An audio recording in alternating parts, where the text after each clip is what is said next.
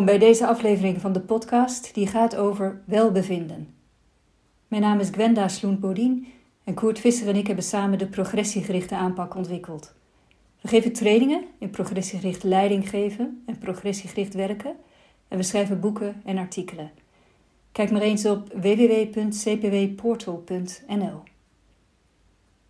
Welbevinden en dan vooral mentaal welbevinden krijgt meer en meer aandacht de laatste jaren. En die aandacht is veelal negatief en zorgelijk van aard.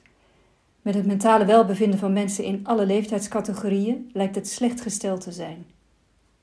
Hier zijn overigens wel kanttekeningen bij te plaatsen. Want de afname van de mentale gezondheid van mensen zou ook wel eens iets te maken kunnen hebben met de toename van therapietaal die we gebruiken in het dagelijks leven. Dat gezegd hebbend is het investeren in het welbevinden van medewerkers, studenten en leerlingen zeker zeer relevant en belangrijk om te doen. En als je dat wil doen, dan is het allereerst belangrijk om te definiëren wat je onder mentaal welbevinden verstaat.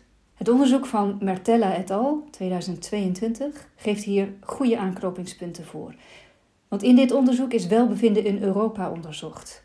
En het onderzoek begint met de vraag: wat meet je om te kunnen stellen hoe het gaat met het welbevinden van mensen? Moet je kijken naar wat ze verdienen, of ze religieus zijn, hoe gelukkig ze zeggen te zijn? Het onderzoek van Martelle et al geeft richting aan wat relevante criteria zijn om mee te nemen als je wilt investeren in het welbevinden van je medewerkers, studenten en leerlingen. Martella et al. onderzochten onder andere de volgende vragen in een cross-culturele studie waarin 27 Europese landen en bijna 50.000 respondenten waren betrokken.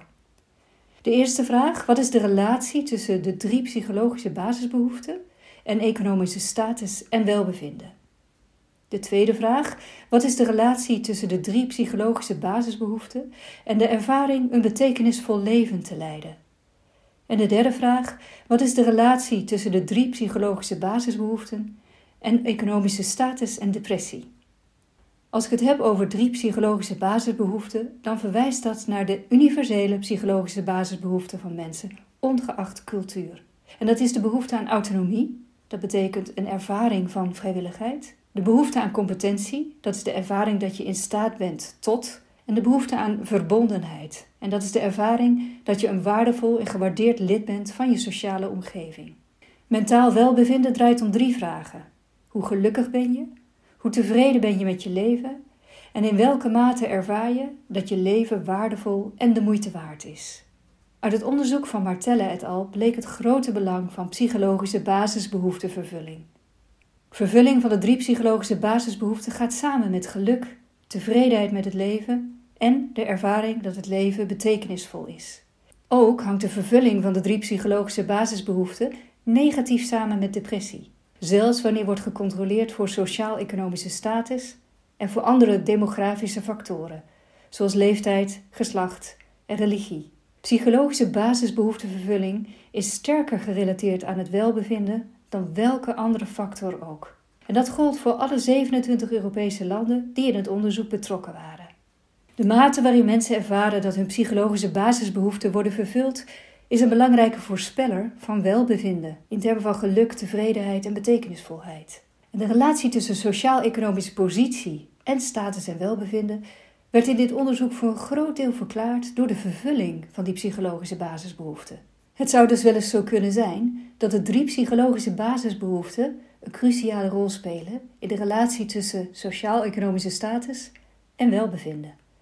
De ervaring dat je leven betekenisvol is en het waard is om te leven, gaat samen met de ervaring dat je achter je eigen gedrag staat. Dat je eigen gedrag voortkomt vanuit jezelf, autonomie. En met de ervaring dat je effectief bent in wat je aan het doen bent. Dat je aankunt wat er van je gevraagd wordt. En dat je prettig uitgedaagd wordt om op een optimaal niveau te functioneren.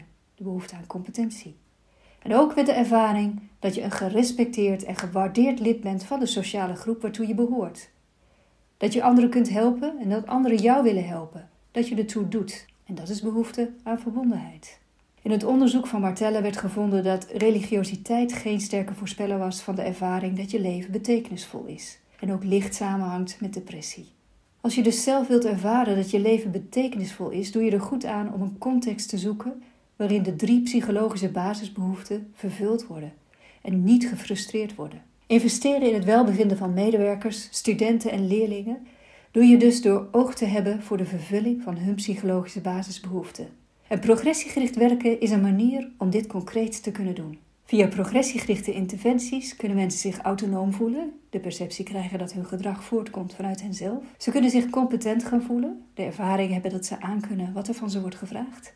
En ze kunnen zich verbonden voelen, omdat hun perspectief wordt gerespecteerd en zonder oordeel wordt onderzocht. Een van de manieren waarop je dat kan doen is via progressiegericht coachen, met de zeven stappen aanpak van Centrum Progressiegericht Werken.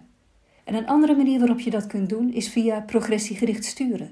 Een manier waarop je in gesprek kunt zijn als iemand ergens aan moet gaan voldoen en je wilt toch graag dat hij er zelf achter gaat staan om aan die progressieverwachting te gaan voldoen. Meer leren kan in onze opleidingen progressiegericht leiding geven en progressiegericht werken. En meer lezen kan op onze websites. Kijk maar eens op www.cpw.nu en www.cpwportal.nl of lees een van onze boeken.